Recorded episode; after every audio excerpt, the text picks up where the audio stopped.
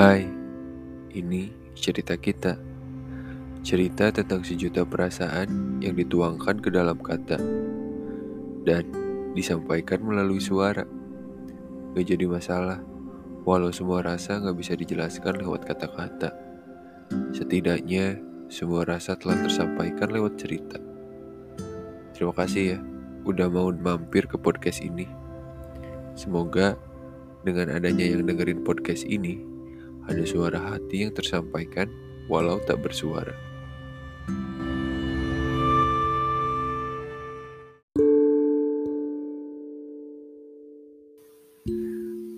Kita semua terlahir tanpa dibekali pemikiran apa-apa.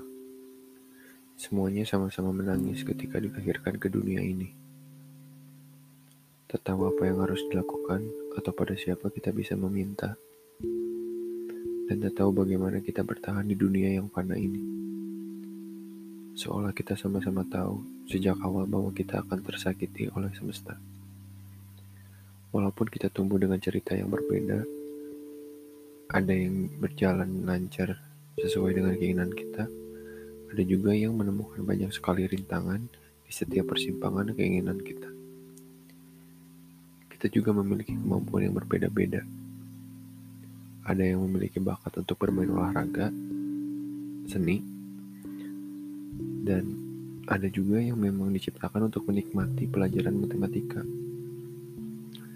Saat dilahirkan pun, kita ditakdirkan dengan keluarga yang memiliki nilai keuangan yang berbeda-beda. Ada yang terlahir dengan orang tua yang memiliki gedung di, gedung di Jakarta.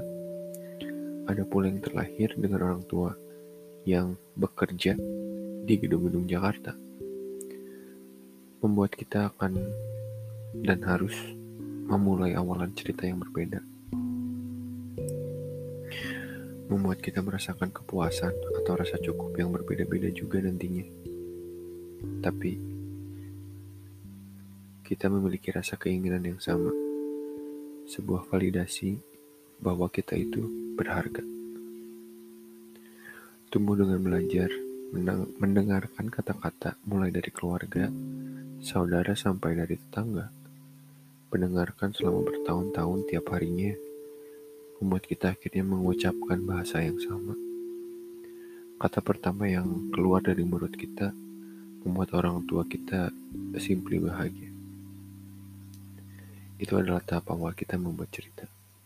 Karena setelah kita bisa memulai berinteraksi, nanti kita akan bertemu dan bermain dengan teman sebaya.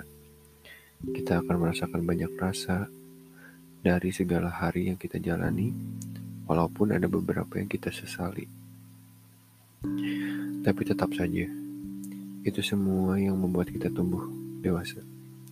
Dari semua cerita yang kita jalani, dari semua usaha yang kita geluti tiap hari, itu semua yang membuat kita menjadi diri yang berarti. Hingga akhirnya kita menemukan yang namanya cinta. Entah kenapa tiba-tiba kita tak pernah melihat diri kita lagi sebagai manusia yang patut untuk dihargai. Karena cenderung kita selalu membutuhkan validasi. Sayang, aku sebenarnya cantik gak sih? Padahal dia selalu menjadi incaran satu sekolahan. Tiap kali orang-orang tahu kalau dia lagi jomblo, dia selalu menjadi incaran para cowok. Terus misalnya, sayang, aku tadi main futsalnya bagus gak sih? Padahal dia selalu menjadi pemain inti. Dan sudah pasti dia selalu dinobatkan sebagai pemain terbaik. Tapi seolah validasi tertinggi selalu ada pada orang yang kita sayangi. Padahal pasangan kita bukanlah orang yang tepat untuk ditanya. Namun validasi dari orang yang kita sayangi terasa seperti sebuah prestasi. Bagus sih. Bagus. Cuman gimana nanti kalau waktunya untuk hubungan harus berakhir datang? Gimana kalau nanti udah gak ada lagi yang menemani?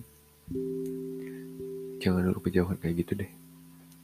Kadang kalau mood pasangan kamu lagi gak bagus juga atau malah lagi berantem, nanti pasti selalu gak pernah setuju dan gak pernah saling support satu sama lain.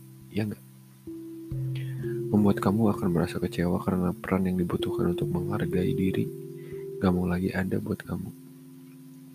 Iya, gak ada lagi bahkan untuk sekedar menghargai. Kalau itu semua sudah terjadi dan kamu sekarang sendiri, kamu mau gimana?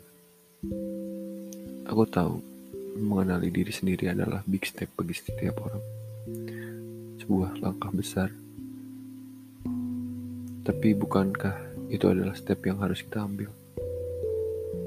Karena pada saat semuanya nggak sesuai rencana, kamu harus bisa berdiri sendiri.